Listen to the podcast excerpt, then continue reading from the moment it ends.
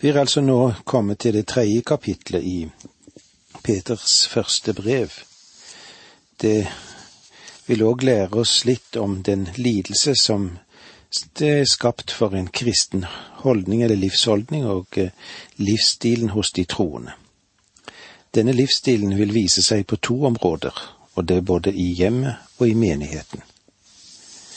Kristent familieliv, det er vel noe som vi alle sammen burde tenke litt igjennom.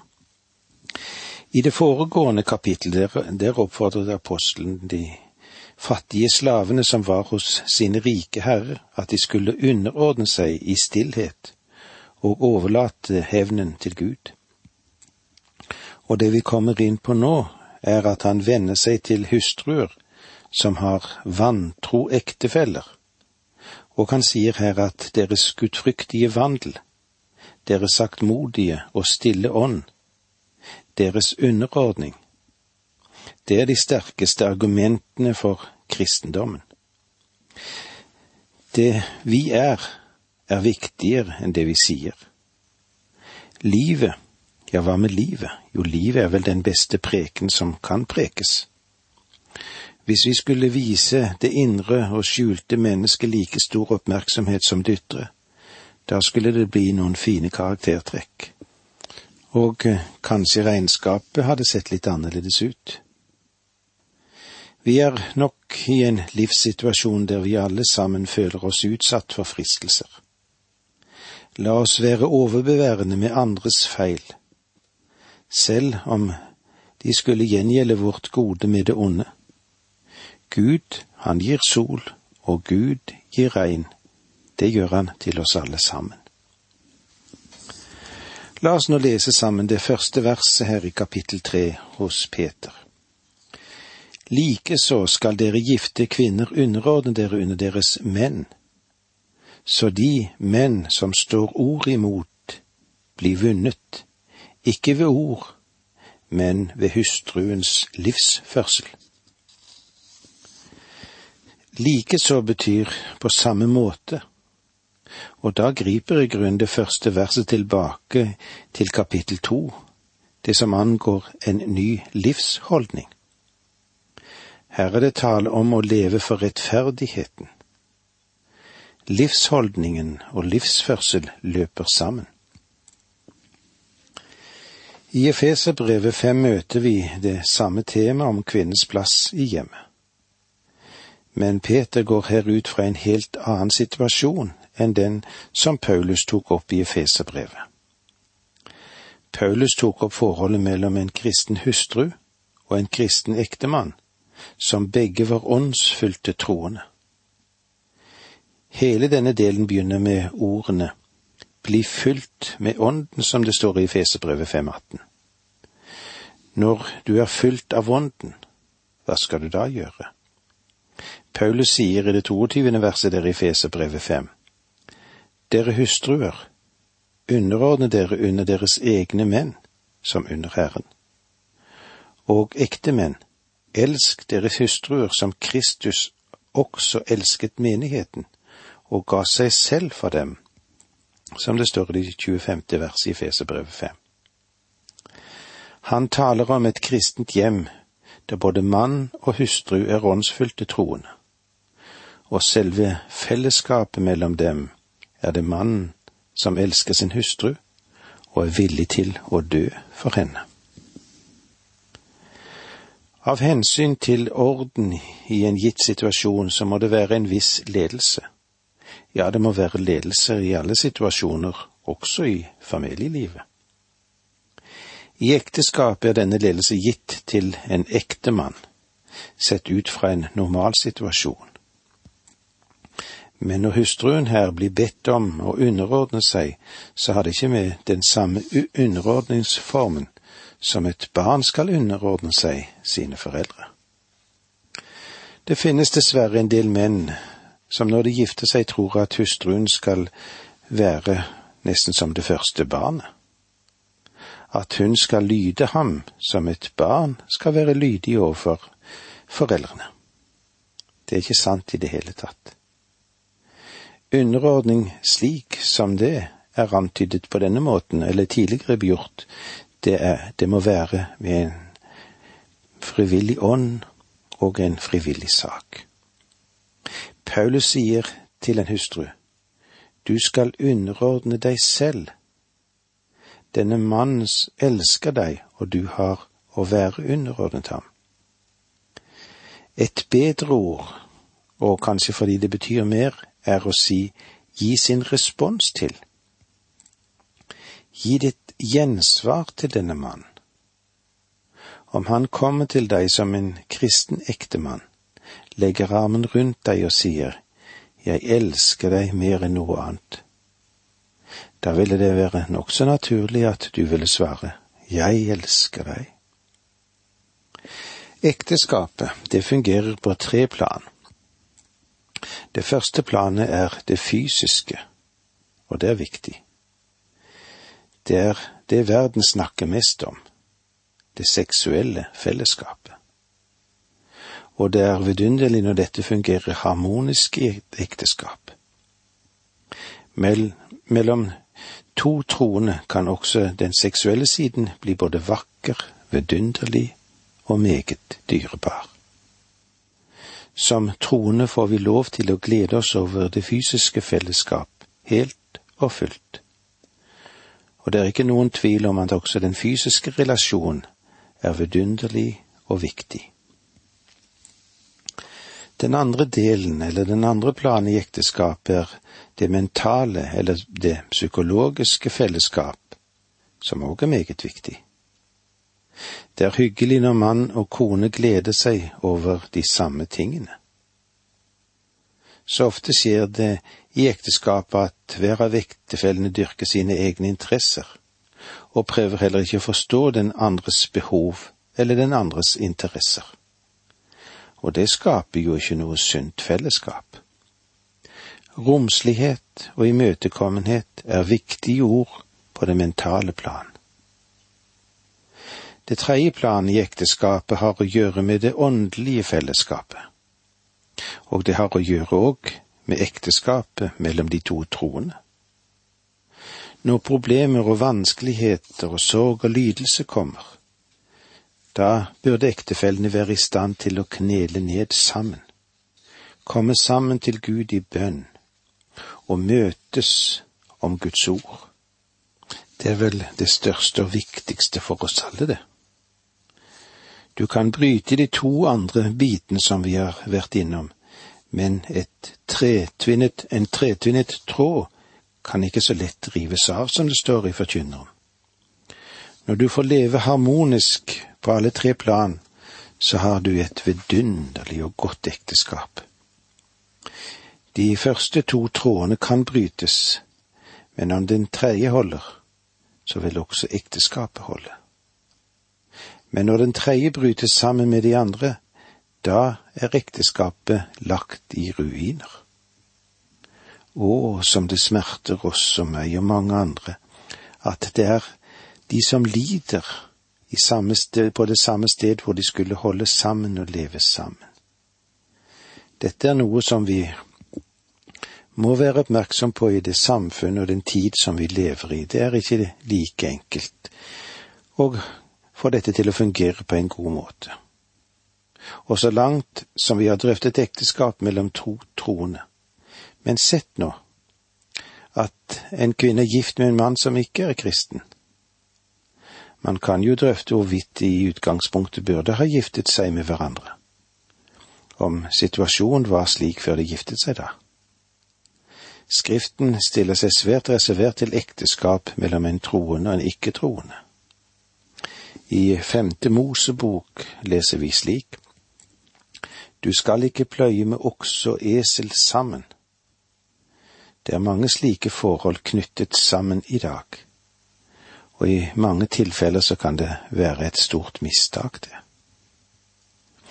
I dette avsnittet her i Første Peters brev har vi den uheldige kombinasjonen der en frelst kvinne er knyttet til en ufrelst mann. Det synes klart her at kvinnen ble en kristen etter at de hadde giftet seg. Skal hun endre seg etter omvendelsen og bli en slags kvinnelig predikant i hjemmet for å kunne forelese for sin ektemake og presentere evangeliet for ham? Nei, hun skal fortsette i samme stilling som tidligere og underordne seg han. Dette er et frivillig forhold, ingen kommando. Kvinnen skal fortsette i sitt fellesskap med den ufrelste ektemann og la ham fremdeles være hodet for familieenheten. Dette vil vi komme mer inn på når vi møtes igjen neste gang, men eh, det var så langt vi kom i dag. Takk for nå, må Gud være med deg. Dette undervisningsprogrammet består av to deler. Åge Nevland fortsetter nå med andre del av dagens undervisning. Vi er i Peters første brev og i kapittel tre. Det vi har sett på her i begynnelsen av kapittelet, er hvordan kristen livsstil skal fungere i hjemmet. Eller slik som det står i det første verset i første Peter tre. Likeså skal dere gifte kvinner underordne dere under deres menn. Så kan de menn som står ord imot, bli vunnet, ikke ved ord, men ved hustruens livsførsel. Ekteskapet, det hører til Guds gode skaperordning, det, for hele menneskelivet.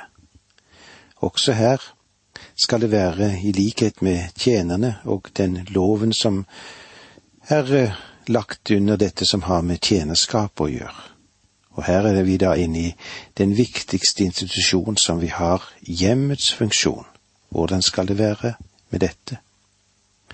Det er jo i samsvar med Guds skapervilje, og det kan ha en veldig rik og velsignelse hengende over seg, hvor hustruen vinner sin mann med ære og frykt. De kan overvinne det som den vantro står imot. Men eh, det er ikke så like enkelt for oss som lever på denne jord. Men sett nå at ektemannen ville ha henne med seg på nattklubb og drive et utesvevende liv, hun som er en kristen. Skal hun gjøre det?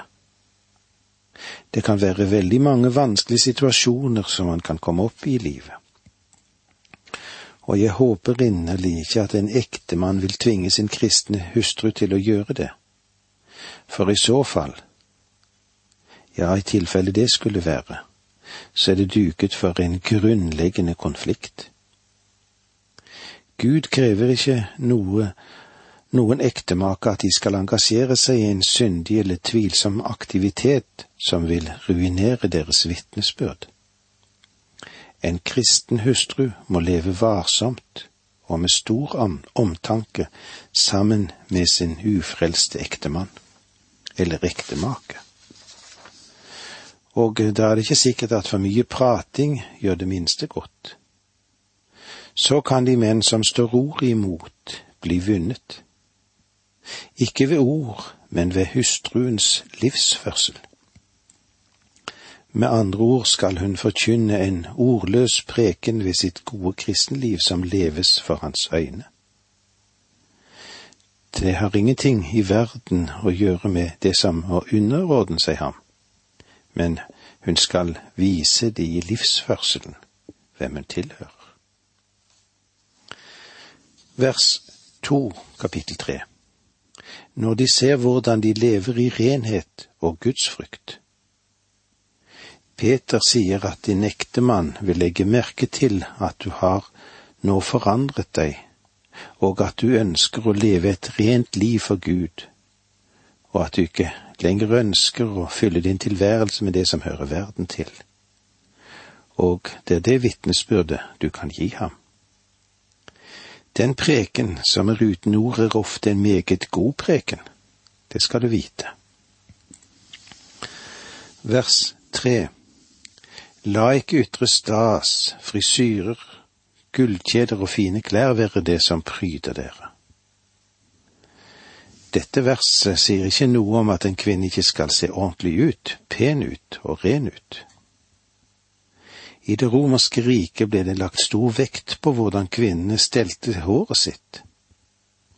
Har du sett bilder av den perioden, så ser du at kvinnene hadde meget høye frisyrer som var laget på en spesiell måte. Ikke ved deres eget hår, men av andres. Og de hadde juvelene sine utstilt på disse svære hårsottene. Jeg tror at en kristen kvinne kan kle seg med stil. Vi får gjøre det beste ut av det vi er, uansett hvordan utgangspunktet synes å være. Peter understreker her at du ikke kan vinne en ufrelst mann ved å være sexy. Vers fire Deres smykke skal være det indre, skjulte mennesket med sitt milde og rolige sinn, som er uforgjengelig og dyrebart fra Gud. En kvinne skal bære smykker, men det skal være smykke fra innsiden, det fantastiske smykket som er utviklet av hennes personlighet og det den representerer. I den lille boken som heter Ruths bok, leser vi at da Boas kom ut på åkrene og så den vakre kvinnen fra Moab, Ruth, så ble han forelsket i henne. Men har du lagt merke til noe annet? Boas hadde hørt om hennes karakter. Han hadde hørt at hun hadde en strålende, vinnende karakter, og han ble forelsket i hele personligheten. Vi har mange gode kosmetiske produkter i dag som kan være til hjelp, og eh, det får vi bruke med skjønnsomhet. Vi får prøve å se så godt ut som vi kan. Ha stil. Kle deg vel. Men pass deg så ditt ytre ikke blir ditt eneste eller fremste smykke. Vi trenger alle en indre skjønnhet som vår fremste smykke og det er det som er så viktig. Vers fem For slik smykket de hellige kvinner seg i tidligere tider, de som satte sin lit til Gud. De underordnet seg sine menn. Det finnes en rekke fine eksempler på slike kvinner i Det gamle testamentet. Jeg har allerede nevnt Ruth, som sto i Kristi ettlinje. Det sies at Rakel var en skjønnhet, og at Jakob ble forelsket i henne. Hun var det store lys i denne mannens liv, som kunne være dyster til sine tider. Vers seks Som Sara var lydig mot Abraham og kalte ham herre. Hennes barn er dere nå blitt, dersom dere gjør hva godt er og ikke la dere skremme av noe. Sara var en vakker kvinne, og flere konger ønsket henne som sin hustru. Abraham fikk et stort problem i denne forbindelse, men hun kalte Abraham min herre. Hun så opp til Abraham, og det er godt at en kvinne kan se opp til sin ektemann. Og nå taler Peter til ektemennene vers syv. Og nå, det direkte menn, vis forståelse i samlivet med hustruen, som er den svakere part, og vis henne ære. For sammen skal dere arve nåden og livet. Gjør dette, så ikke bønnene deres blir hindret. Dette virker å innebære at både ektemann og hustru er kristne. Men jeg tror også at, at disse formaningene til ektemenn vil gjelde også i andre sammenhenger. En ektemann skal behandle sin hustru som den svakere part, og hans ære skal være det hun står for òg. Det virker som om den radikale kvinnebevegelse ikke lenger gjør fullt så store utslag som det kanskje har gjort i de to siste desennier respekt for kvinnens verdier i, seg selv begynner å få en større plass. Det er ikke lenger galt at en kvinne er kvinne, like så lite det er som at en mann er en mann. Fordi, sier Peter, at hun er sett på som den svakere part, så skal hun òg behandles tilbørlig og med ære. Mannen skal gi henne førsteplassen.